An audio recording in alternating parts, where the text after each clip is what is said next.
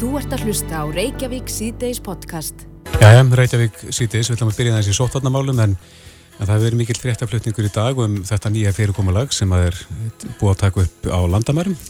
Já, það kom fram á upplýsingafundi almannavarna í dag að já, Þórólfur Guðnarsson, sóttvarnalæknir, viðraði nokkrar áhyggjur af þessari ákvörðun dómsmálar á þeirra að opna ytir landamæri sengen. Já. Um, hann hefur sagt að sko, samkvæmt þessu minnisblæði sem hann skilja en að þá átti þetta eiga við um fólk sem kemur hingað í að brýtni nöðsin. Já, en er það tekið fram í minnisblæðinu? Uh, allavega þegar ég skoðaði minnisblæði þá sá ég það ekki, þannig að það er svona smá óreiða í kringum þetta fyrir, uh, já allavega svona leikmenn eins og okkur. Einmitt. Áslöfarnar Sigurbjörnsdóttir, dómsmálar á þeirra er á línu, kom til sæl. Sælverði. Já, þú fundaði með þrýekinu í dag, um hvað fjallaði sá fundur? Það voru, var áþarnanda fundur um ymsar tillögur, bæði tillögur um skimun og börnum sem og landamæra tillögur aðrar eins og þessa. Já, og eitthvað niðurstaða? Já, við þurfum bara að undirbúa nokkuð praktísk atriði sem uh, meðal annars sótotnalæknir og aðra höfðu bænt á að þetta liggja til grundvölda. Við erum auðvitað frekar gera þetta vel en rætt og uh, munum vinna því núna næstu dag. Já, önnu spurning sem hefur kveiknað er uh, völlurinn, þar að segja flugstjóðlegs Eriksson tilbúin fyrir þetta, aukin fjölda ferðamanna, uh, það hlýtu þá vantilega þurfa að fjölga í starfsliði og, og þannig að ekki myndist langa raðir og slíkt. Já, sjálfsögðu, við vorum með mikla skimanir uh, síðasta sömar og þegar komu margir hérna en þá voru við, voru við að taka móti bara almennt fólki innan úr Evrópu Um, en nú erum við auðvitað að fara að taka móti bólusettu fólki og fólki sem er búið að fá COVID og það þarf auðvitað að tryggja það að þeir komið með gildvottor líkt og fólki sem kemur hér innan Evrópu og það er bara verið að undirbúa það og svo vinna er í fullum gangi og, og við erum auðvitað uh, undirbúin og verðum undirbúin undir það þegar þetta tekur gildi, það er mikilvægt. Hvenar mun þetta takk gildi? Við stefnum á það að verði í lók næstu viku. Uh, í næstu viku er líka stemt af því að Uh, ákvæði sem við erum að mæla fyrir á þinginu núna um skildur á flugreikendur um að uh, taka og tryggja það að fólk fari ekki upp í flugvilar nema það uppfyllir landgöngu skiliði til dæmis að vera með bólsettingavottor uh, þá voru það orðið að lögum þannig að þá verður þetta í góðri samfelli Verður þá flugfjölónum gert stilt að, að vinna það? Það er að segja krefjast þessara stiltin áður?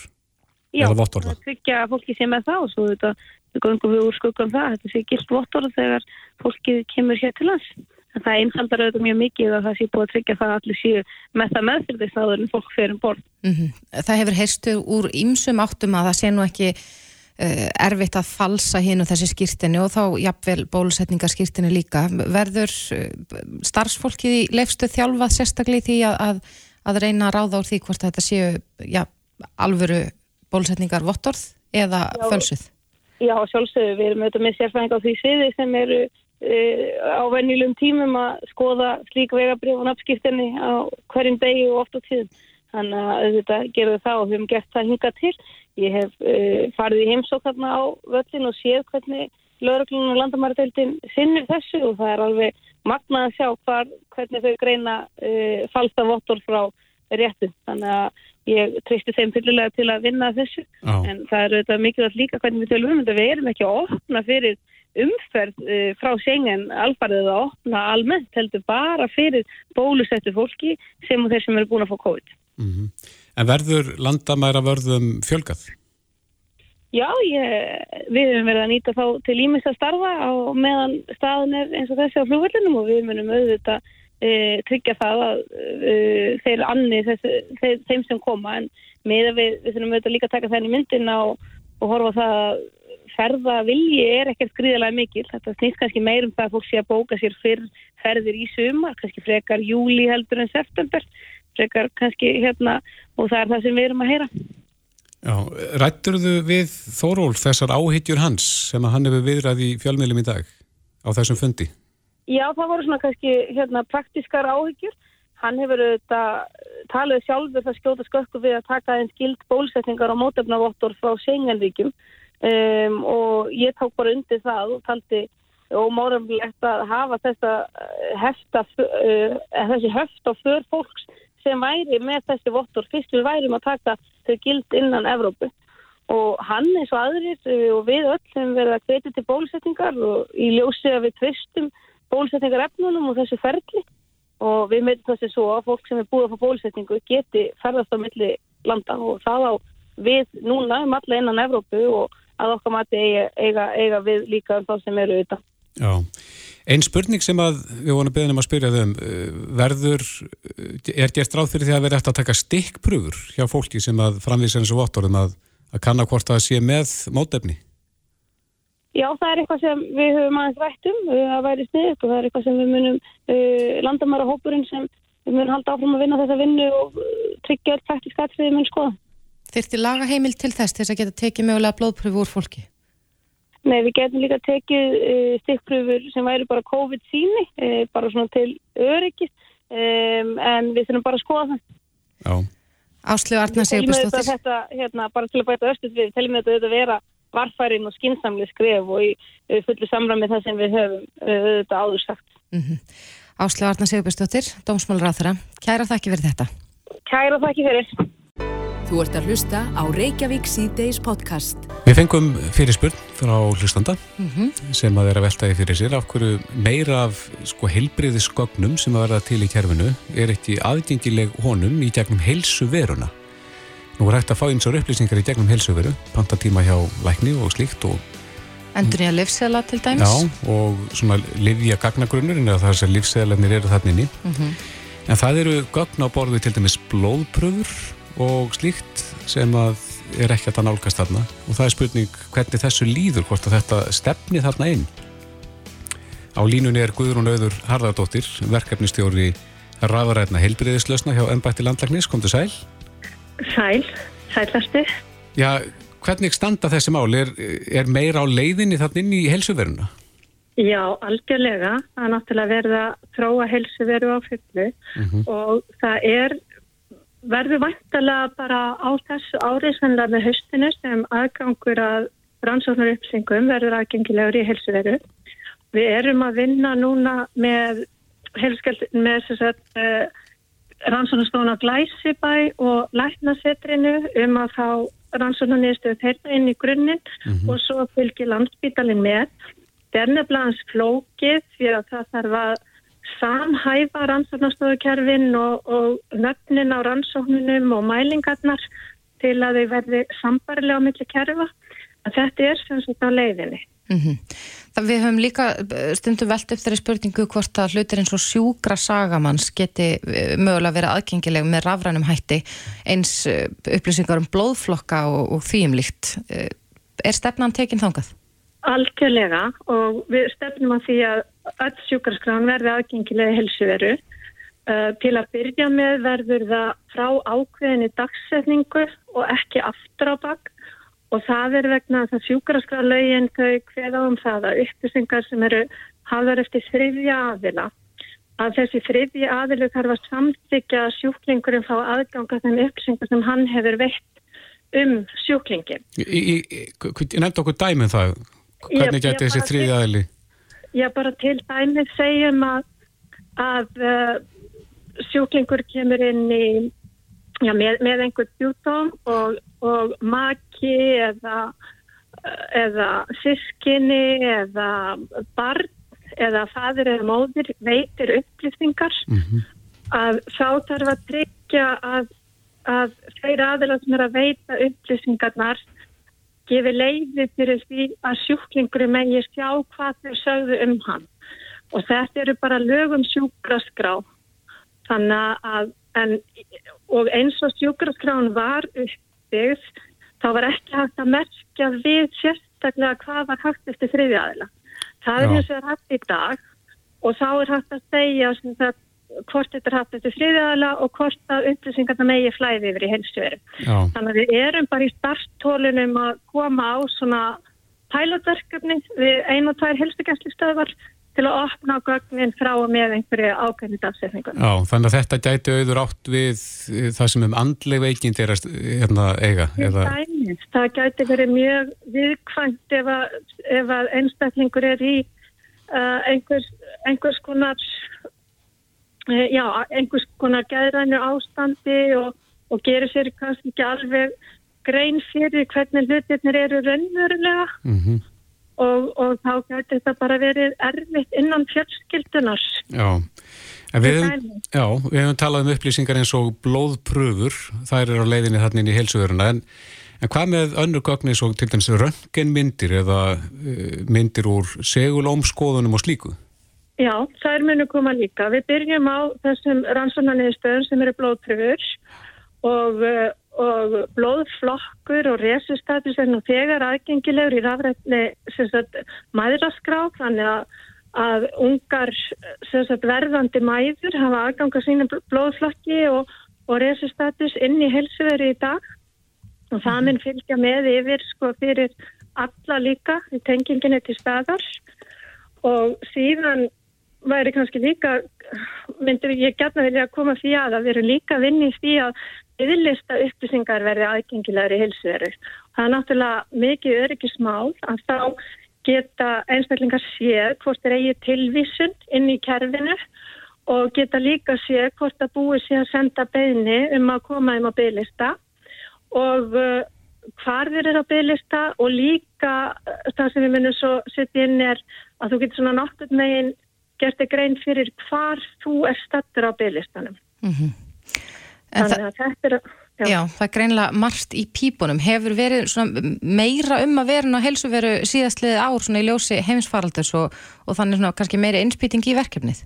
Já, já, já, já. Það er náttúrulega þegar COVID kom og skalla okkur með þessum mikla hraða, þá náttúrulega voru hraðar, hraðar hendur og, og það var byrjað á þetta landamarkerfinu sem var út á tíu dögum og tengsl við heilsverðu og samtætting við sjúkarskrafkerfin og náttúrulega það að geta panta sér sínatöku, fengi niðurstöðnar inn í heilsverðu, trenda út vottorð, uh, bólusetningarnar líka og bólusetningavottorð og þetta náttúrulega, það fór alltaf fullt þar og þá sagt, fóru önnur verkefni heilsuverð aðeins til hlýðar á meðan. Mm -hmm.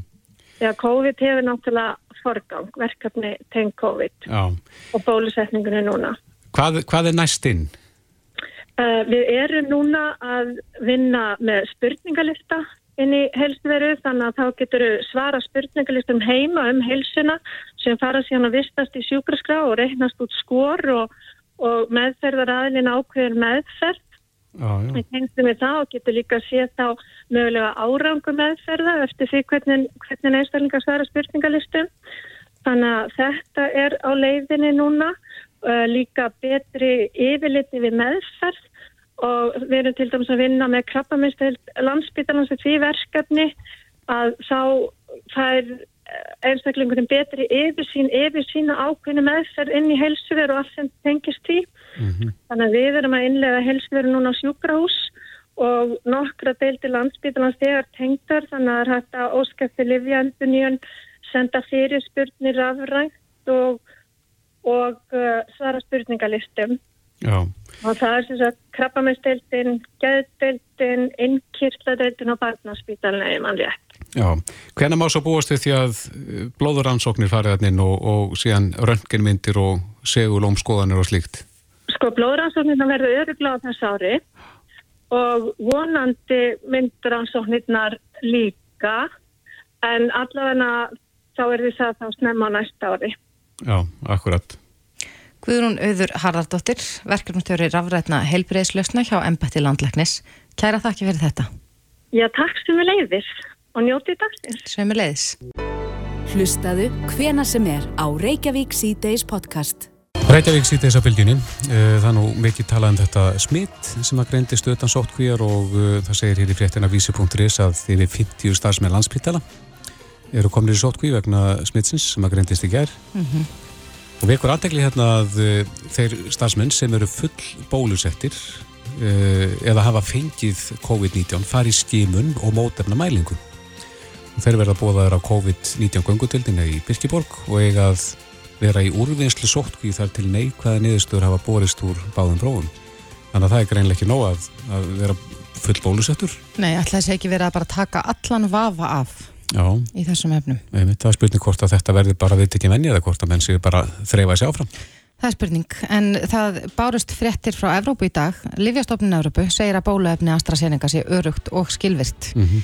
Og þá hefur líka sko alþjóða heilbreysmálastofnin hvart Evrópuríki til þess að halda nótkun bóluefninsins áfram í dag. Já, og svo bárast fréttir að því frá Noregi að um, já, vísindamenn þar, þeir telja sig hafa fundið ástæðuna fyrir eh, þessum blóðtöppum sem að einhverju hafa fengið í kjölfar bólusetninga með AstraZeneca bóluefninu. og það voru þrýr norskir heilbyrðistafsmenn undir 50 sem að fengu blóðtapa eftir að voru bólusettir. Þannig að þetta var það sem að hleypti þess á stað. Þessi, þessi grunur en uh, á línunni er uh, sérfræðingur okkar, Björn Rúna Lúvíksson, uh, professor í ónæmisfræð og yfirleiknir ónæmisleikning á landsbytalanum, sæl. Já, góðan daginn. Já, þetta eru vantarlega góðar fréttir sem að berast að utan að, að þetta er svo sem fengið og fengið grænt ljós með þessum á segja. Já, þetta er náttúrulega stórkoslega fréttir fyrir okkur öll að, að, að, þetta sem að maður náttúrulega vonaðist til og, og, og eiginlega sá ég ekki neinar ástæðar, ekki yngar aðra vísbynningar en að þetta myndi fara vel, þannig að það væri ekki, ekki sínt fram á einn tengsl á milli þessa bóluefnis og, og blóttapa myndunar, þannig að þetta er bara staðfistir þá vona okkur og, og, og minn grunn og fleiri um að, um að þetta væri örugt og nú getum við bara þá haldið áfram og vonandi mun uh, Þórólfur fljóðlega að gefa þá grænt ljós á, á áframhaldundi nótkunna á, á AstraZeneca bóluefninu. Já, en það fylgir reyndar hérna í frétt sem að rakst á inn á vef ríkisútapsins að að normenninni virðast vera búin að finna samt út að það sé tenging á milli bólefnana og, og blóttappana þetta sé svona sterk ónæmi svörun sem að valdi þessu Já, ég vil nú draga þetta mjög efa þessar frum upp, upplýsingar sem að þarna komi ljós. Við mögum ekki gleyma því að það er eitt triði þeirra sem að fær COVID-19 sjúkdóminn sem er á að hættu að fá blóttappa. Þannig að, að áhættan við það að fá sko, COVID-19 sjúkdóminn og síðan blóttappa myndun er gríðarlega há. Og það ásér mjög margar flóknar útskýringar meðal annars í samspili ónæmiskerfisins og storkukerfisins og, og svo þessa bólkusvar sem ásir staði kjölfarið á, á sjúkdónum og þetta sjáum við eins og sem í mörgum öðrum tónum. Þannig að það kemur í sjálfu sér ekki óvart en þannig að menn verða að fara mjög vallega í alla svona yfirlýsingar. Það er mjög auðvelt að, að í þessu máli að leggja saman 2 og 2 og fá út fjóra þó að og tengja það svo við einhvern annan hlut sem hefur hugsanlega ekkert með og sjúkdómsenginin að gera. Mm -hmm. Þannig að það, það getur, menn hafa oft tekið, farið aðeins fram úr sér í, í þeim efnum. Þetta er mikilvægt að fara þá yfir þessu gögn og, og skoða þau. En Björnrúnar, nú hefur já, bóluefni AstraZeneca áttundur högg að sækja. Það hefur verið mikil umræða um það, mögulega aukaverkanir og annað slikt og, og mörg ríki sem hafa allavega tímabundið hægt að bólusetja með því efni. Er ekki ansið stórt verkefni að, að sko sannfara fólk um að sé örugt? Sko það sem er rosalega mikilvægt í þessu þegar að, að við förum á stað með svona stórkorslega framþróunu í lækningsfæði að ná að þróa bólefna á svona undraverðun tíma þá náttúrulega vildu við vera örugum það að, að við myndum vera varkár og, og stíga varlega til jarðar. Og það að fylgjast náið vel með öllum hugsanlegu hliðaverkunum að notkunum að þessum lífjum og það hefur sjaldan eða aldrei í sögu nokkur slifs verið fylgst jafn náið og ítalega með hugsanlegum hliðaverkunum og aukaverkunum að, að þeim eins og á við í þessu, þessu skyni. Þannig, þannig að þannig að kemur það ekkert á óvart að það hafa helst inn allskynns tilkynningar um mögulega orsakasæming sem í sömum tilvægum á, á sér rögg en í öðrum tilvægum alls ekki og það er umverulega markmiðið með svona tilkynningaskildu og, og svona eftirliti er að sapna saman fjölda gríðarlega miklu magna upplýsingum og reyna að sjá síðan hvort það sé samingi á milli mm -hmm. og við erum algjörlega orðið ljóst að það virðist ekki vera neitt samingi milli nótkunna á þessum bóluefnum og blóðtapamyndunar þannig að við getum ítt í út á borðinu Já. síðan hafa verið ímsar vangaveltur sérstaklega hér á landi um hugsalega aukaverkanir eh, og aukinn tíni á aukaverkanum AstraZeneca en það er raunverulega ekkert í gögnunum sem að, sem að stiður þetta. Þannig að það er fyrst og Hvað, er það bara tilfinning manna eða hvað? Í Það er, það er, þegar það er svona, í svona veriðist það nú að vera eins og í mörgu öðru að, að leið og einhver byrjar að, að, að segja frá svona neikvæðum hlutum að þá, þá taka aðrir undir. Það gleymist í að það eru miljónir manna sko, sem hafa verið bólusettir og nota þær á lifinu og gengið glimrandi vel og ekki fundið fyrir einu eða neinu. En það, það heyrist ekkit í þeim. Það heyrist í þeim sem að finna fyrir uh, óþægjendum og öðru slíku. Að, og það er mikilvægt. Ég er ekki að draga úr því. Það er mikilvægt að láta um vita og það er mikilvægt að höldum áfram að tilkynna það. öðruvísi við ekki góða yfirsýn yfir þetta.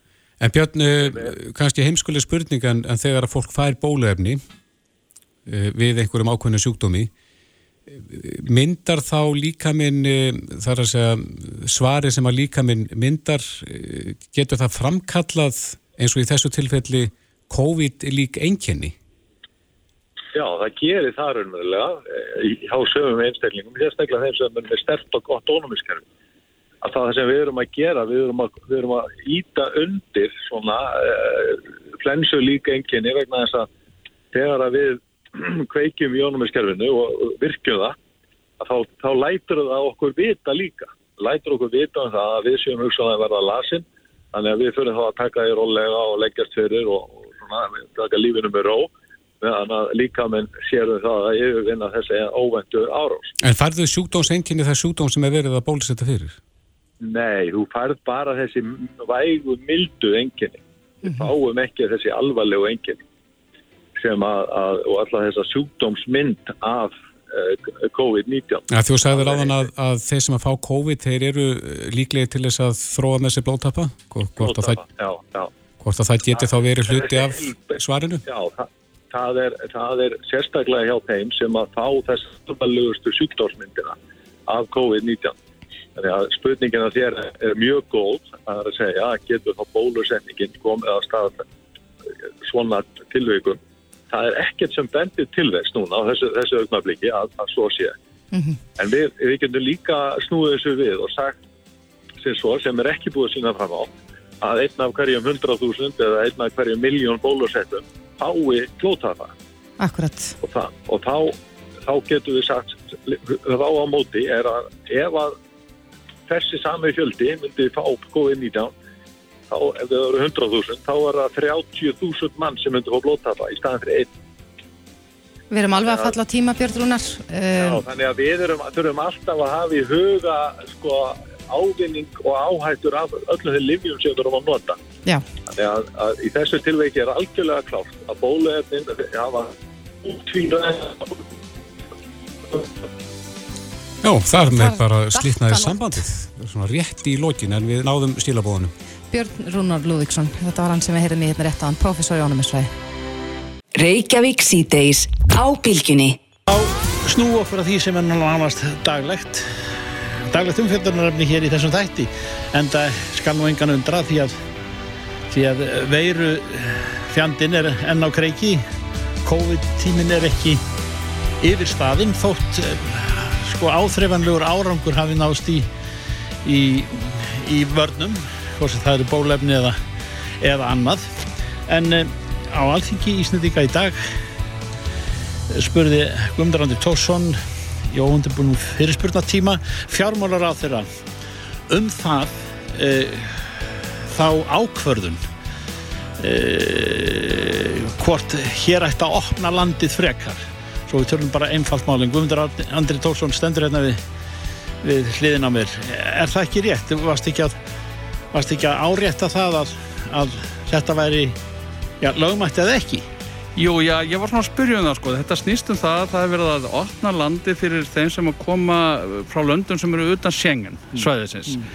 Og, eh, og það er nokkuð stóru ákvörðun og þannig erum að ræða náttúrulega risastór svæði og við erum að tala um ferðamenn frá bandaríkjónum og, og frá Kína og, og öðrum slíkum svæðum sem eru risastór svæði náttúrulega skipti alveg gríðalegu máli fyrir ferðarþjónustuna. Maður skilur það mjög vel og, og að þeir geti þá framvísað eh, skilur ekki uh, vottorðum um að þeir séu, séu bólusettir og, og hérna uh, og uh, það er margt sko sem mælir með þessu en ég hefði viljað að það væri alveg tryggt að þessi ákvörðum væri tekin í samráði við sóttvarnalækni og ég myndi á að í 12.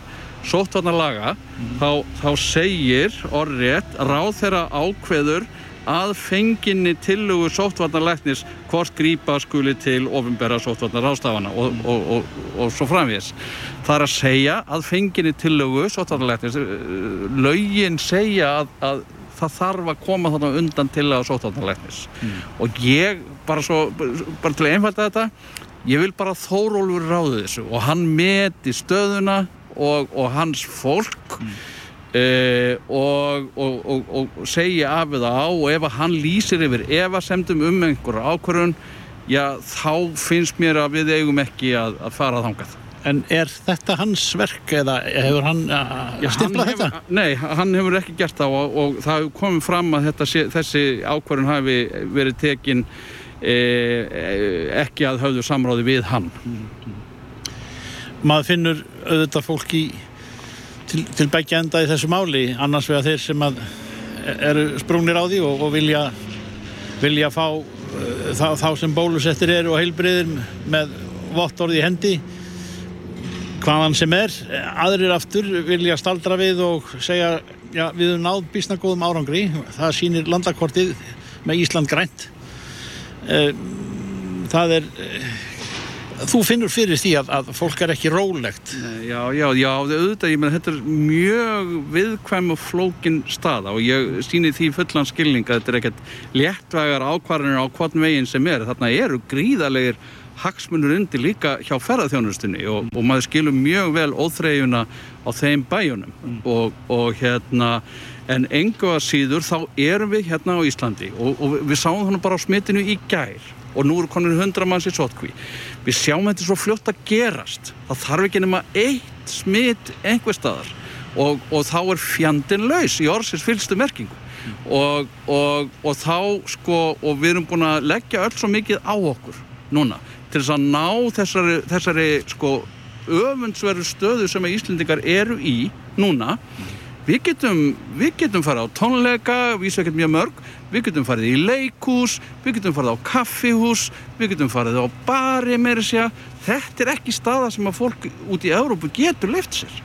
Þar er, þar er nánast útgangubann ennþá og, þar, og, og um allan heim er, er veiran sko grasserandi út um allt. Mm -hmm. það, það er, við erum í sjálfgæfri stöðu núna og ég hefði viljað sjá að við dókuðum aðeins lengur við með að opna landið og reyndum að njóta þess að að, að, að vera með eðlilegt bara þjóðlíf. Bara við sjálf hérna.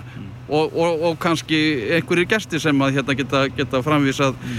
vottorum en, en sko það, en við koncentrerum á þetta veit þess að Íslendingar þeir síndu það náttúrulega í þessum litla glugga í fyrrasumar þá síndu þér það að þeir eru reyðubúinir að, að, hérna, að njóta alls þess sem að hérna, bóður upp á um all land af, af frábæri þjónustu og, og alls konar hérna, skemmtilegheitum og mm -hmm og eittu út á landi því sem þeir eru vanir að eida í útlöndum sem er ekkert smáræði meini, meini. En e, svona lokungum undir að þessu sinni þessu er ekki lokið e, er þetta tillaga er, hvar er hún á, á samningarennibröðinni er, er, er þetta tekur þessi reglugjörðu eða þessi ákvörðin gildi í dag? Ég veit það ekki. Ég eh, hef ekki svöruð því alveg. Það, þetta er í vinslu hérna á þinginu ennþá og, og ég á vona því að það, það gerir svona á næstunni en, en kannski ekki alveg í dag. Hmm. En ekki í dag, segir þú? Ég, ég, er, ég er ekki, er ekki í, í þeirri stöðu að ég, get, ég sé, geti sagt til um það. Guðmundur Andri Tórsson, uh, þetta er langklöpp. Kæra þakkir fyrir samtalið. Já, takk svo mjög þess.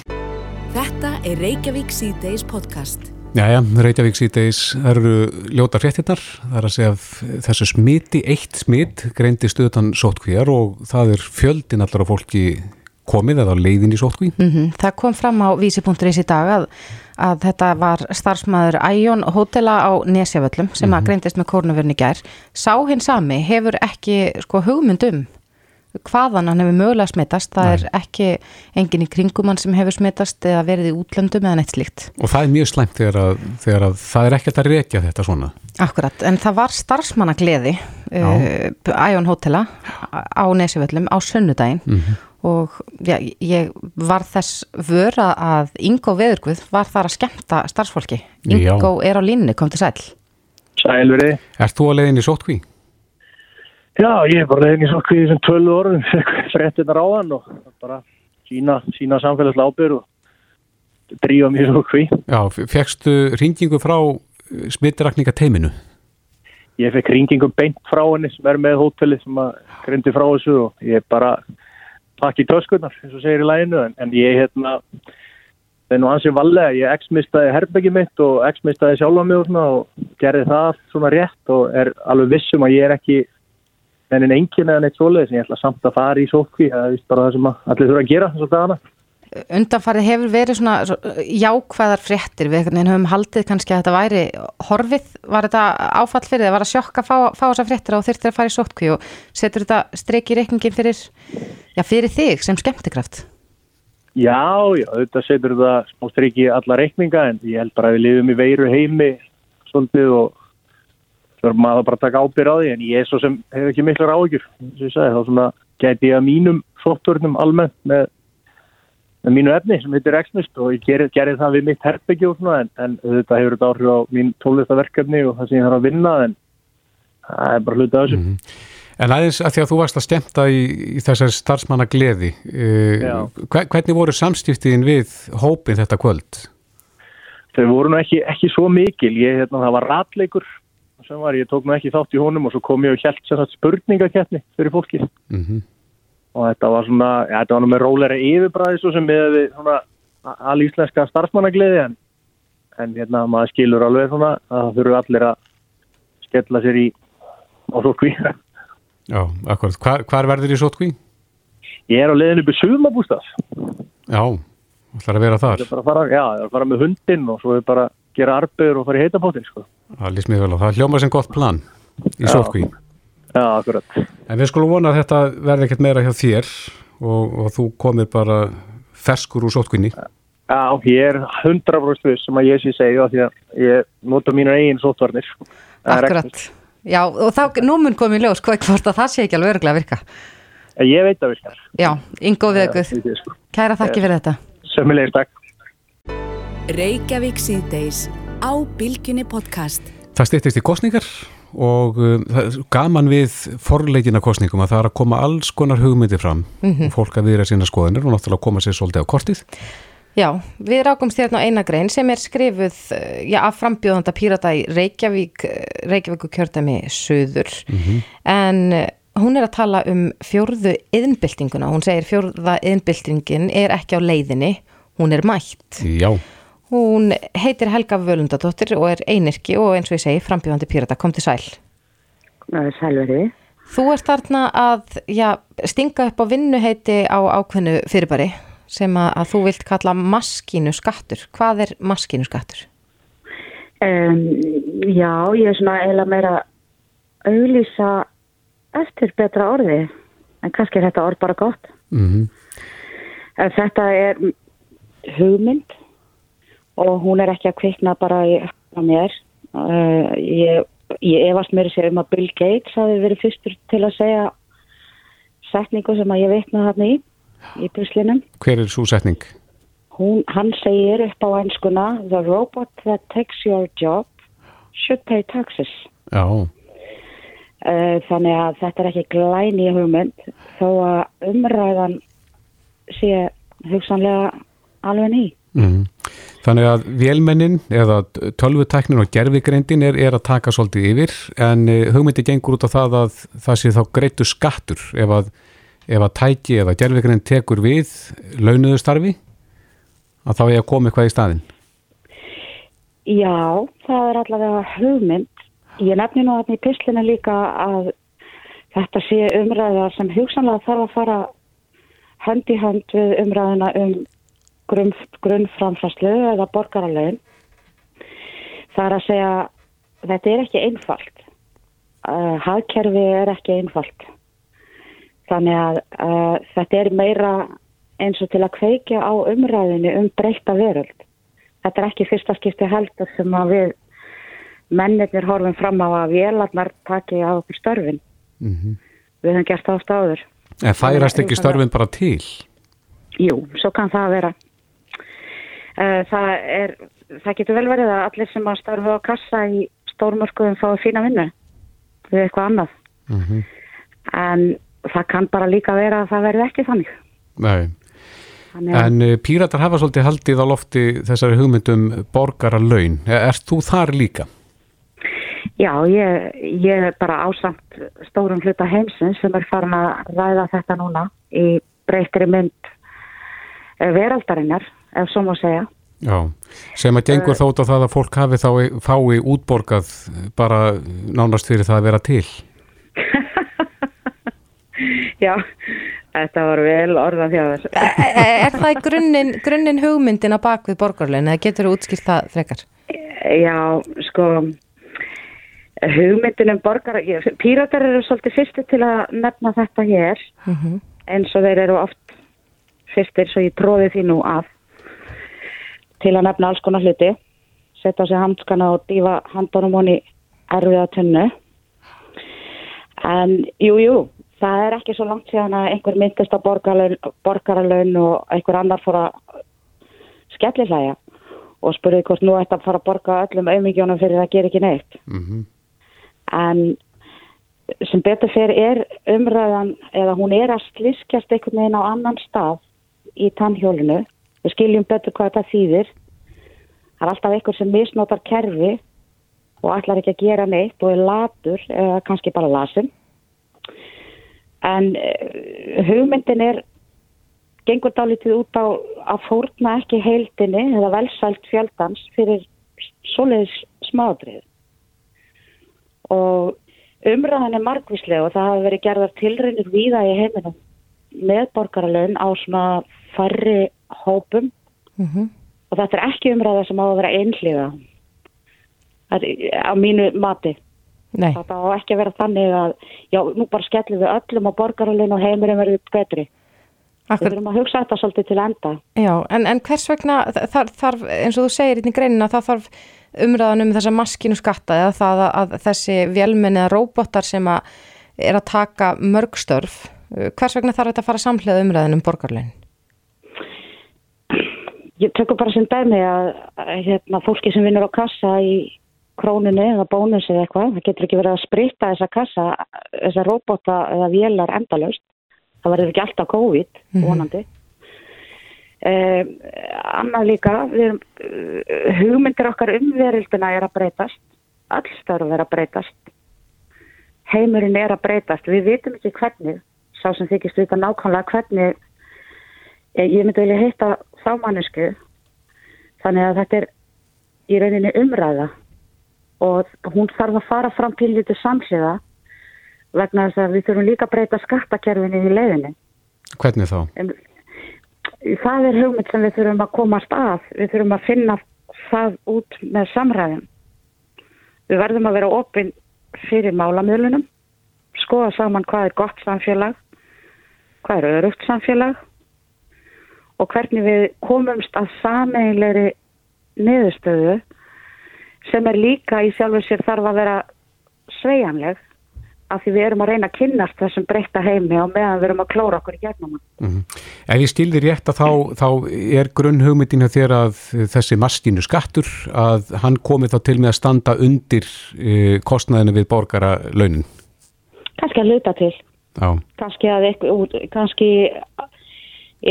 kannski á einhverjum stað inn í hagkerfinu eða þessu efnahagkerfi sem við búum til mm -hmm.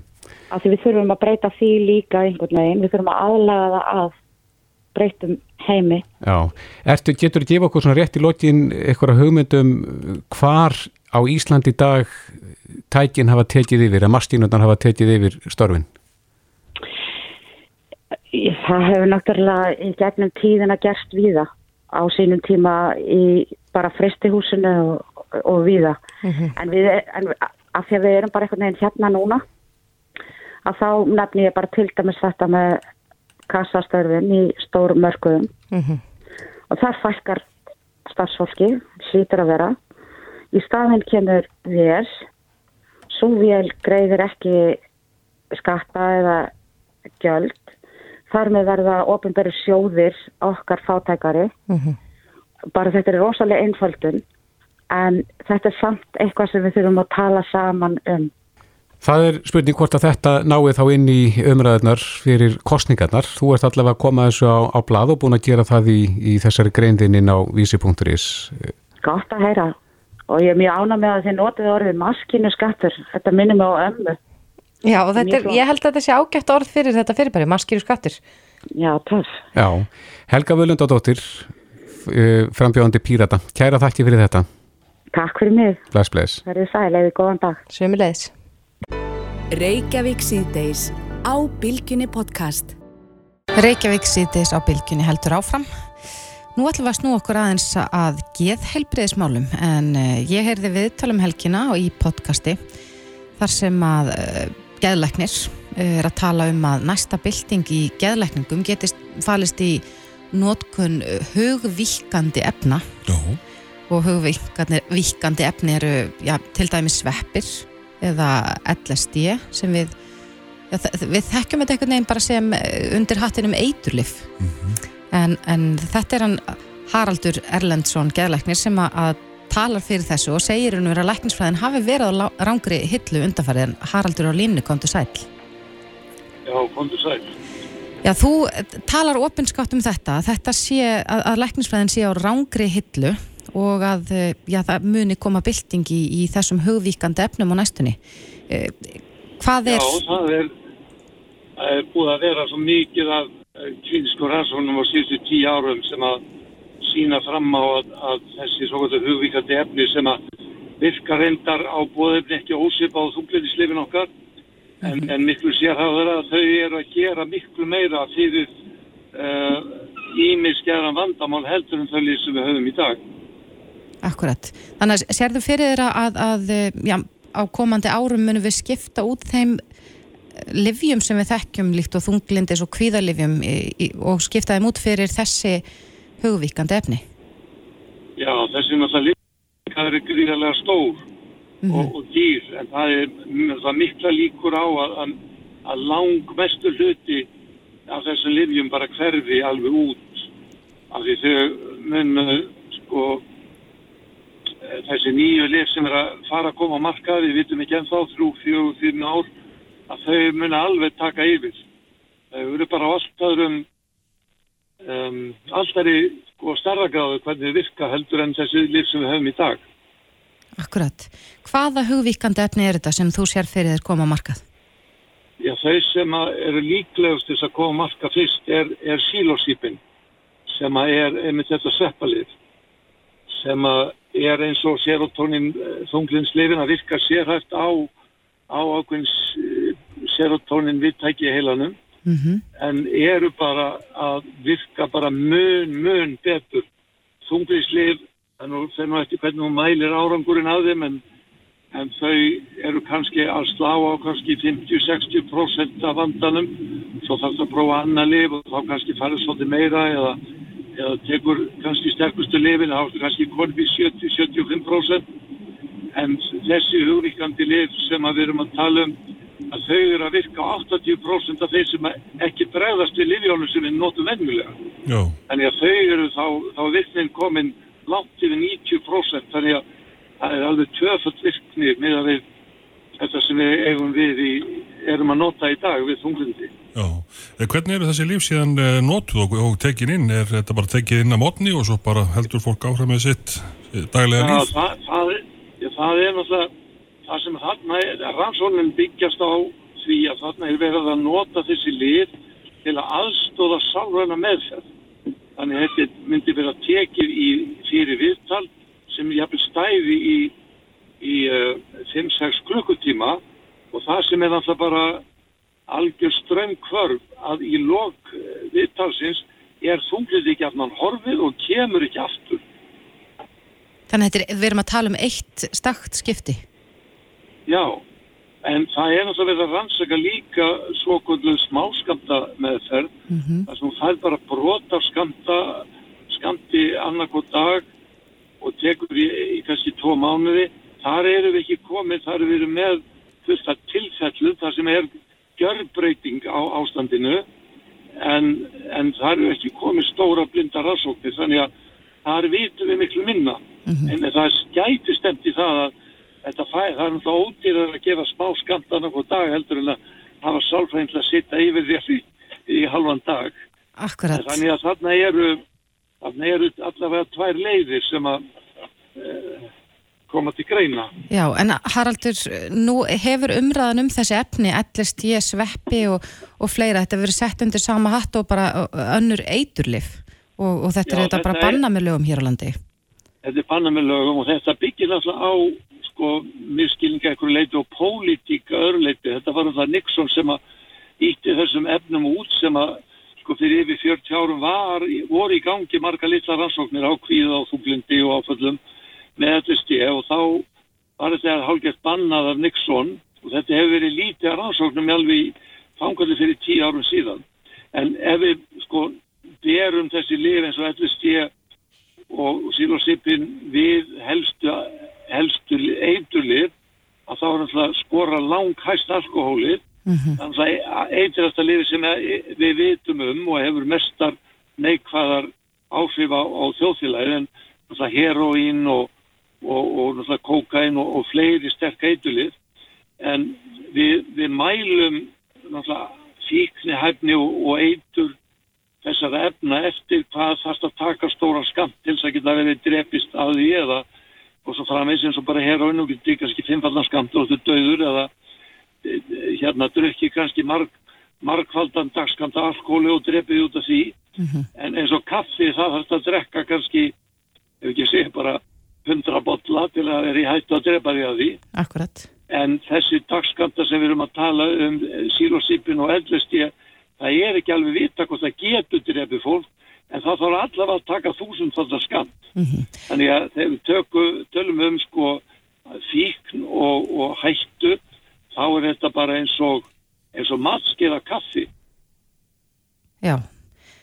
En Haraldur, er ekki hægt á því að þegar umræðan er um, um þessi efni að, að fólk já, fari bara og taki LSD eða, eða taki sveppi og ætlar að lækna sig sjálft og getur þá lent í klandri. Þetta þarf að vera undir Já. sko, eftirliti lækna ekki satt.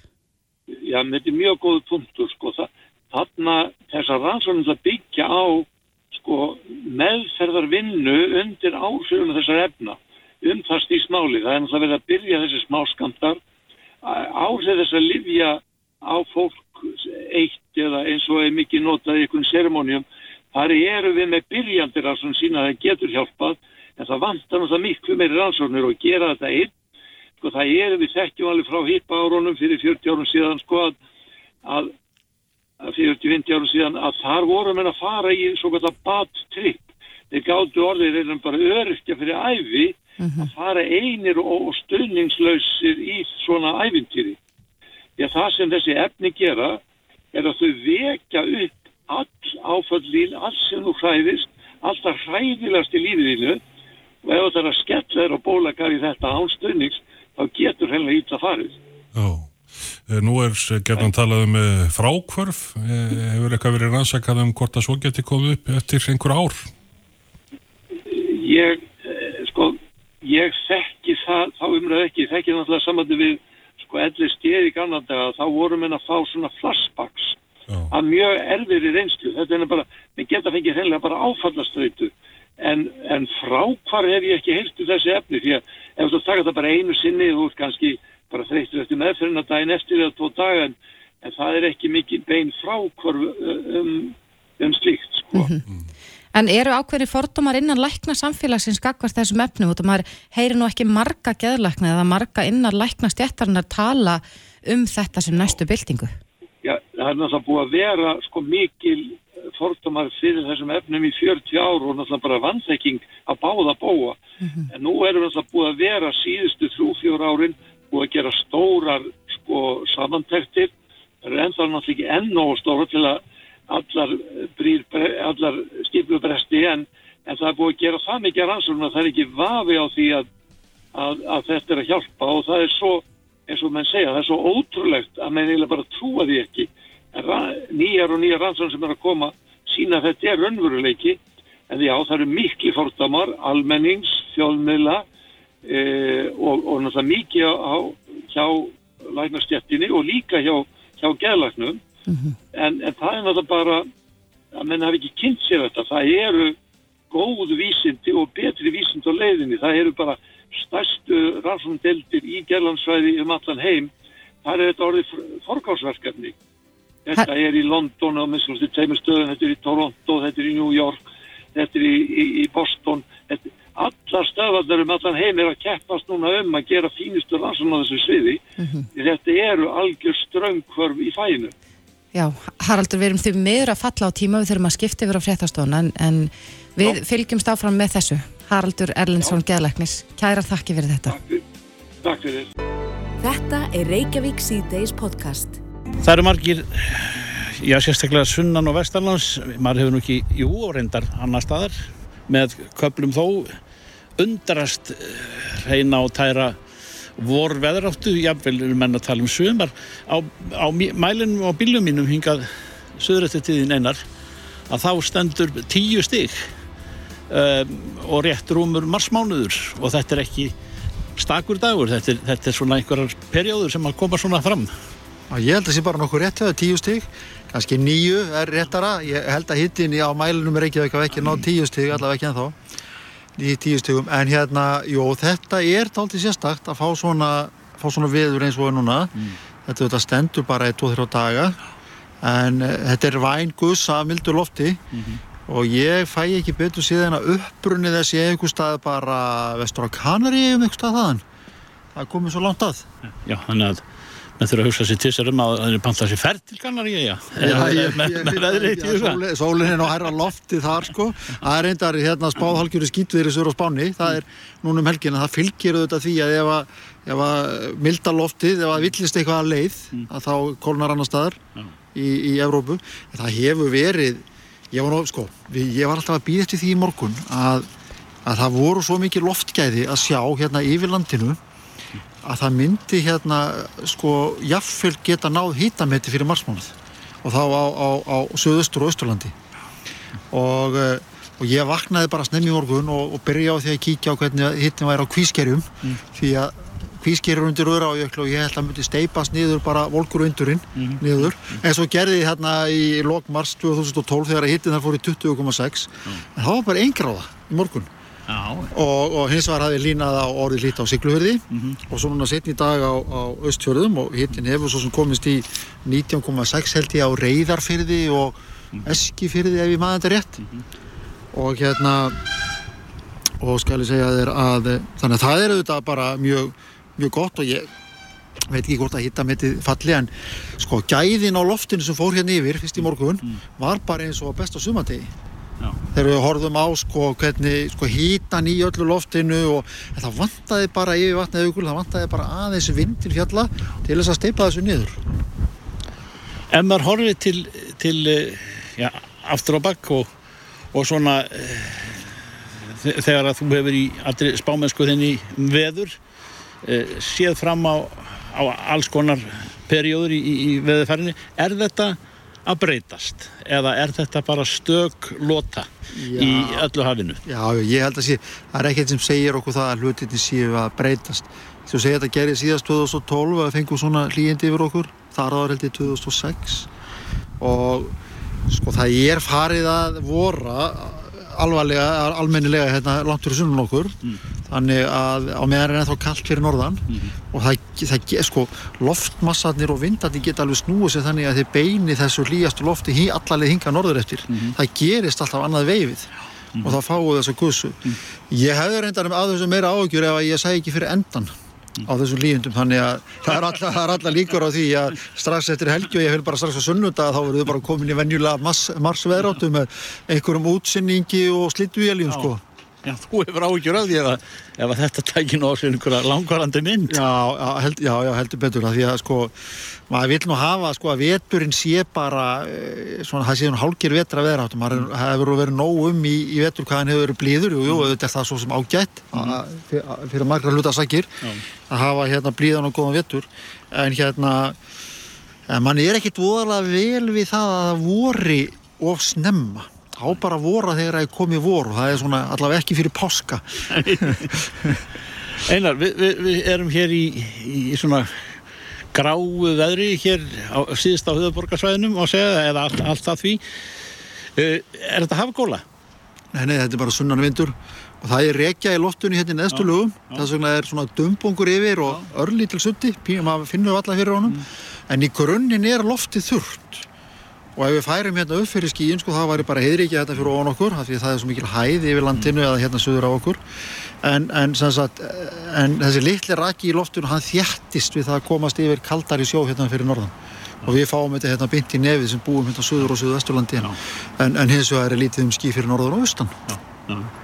En þetta veður hér það er ekki út af því að, að, að landið þegar við hittnaði í morgun og og hýtaði upp næstu lög og þau fara upp og þá, þá sér kaldalofti sér færi og, og skýst inn. Nei, það er, það er ekki, sko sólinn fer ekkert að hýta og valda uppstreymi fyrir en bara sint í mæi eða byrju í júni það verður að vera búið þotnin og hálendi snjórin farin, já. þannig að nú er þetta bara hýtablásarinn og söðri, það er, það er eini varmagjafin, sólinn hefur ekkert að segja. Já, já, klemdur milli e, já, hæðana eins og Breitlandsegjum og, og svo fyrir uh, austan okkur er, er það ekki, þar kemur tungan upp úr söðri? Jó, tungan kemur uh, með, sko, vestan í þessari hæð hún er aðeins söð-austur á landinu en hún er kannski alveg merkilega nærri okkur og það, það, þetta er alveg ótrúlega sko, það er ótrúlega mikill hít og mikill vor í þessu lofti sem er hérna yfir landinu mm.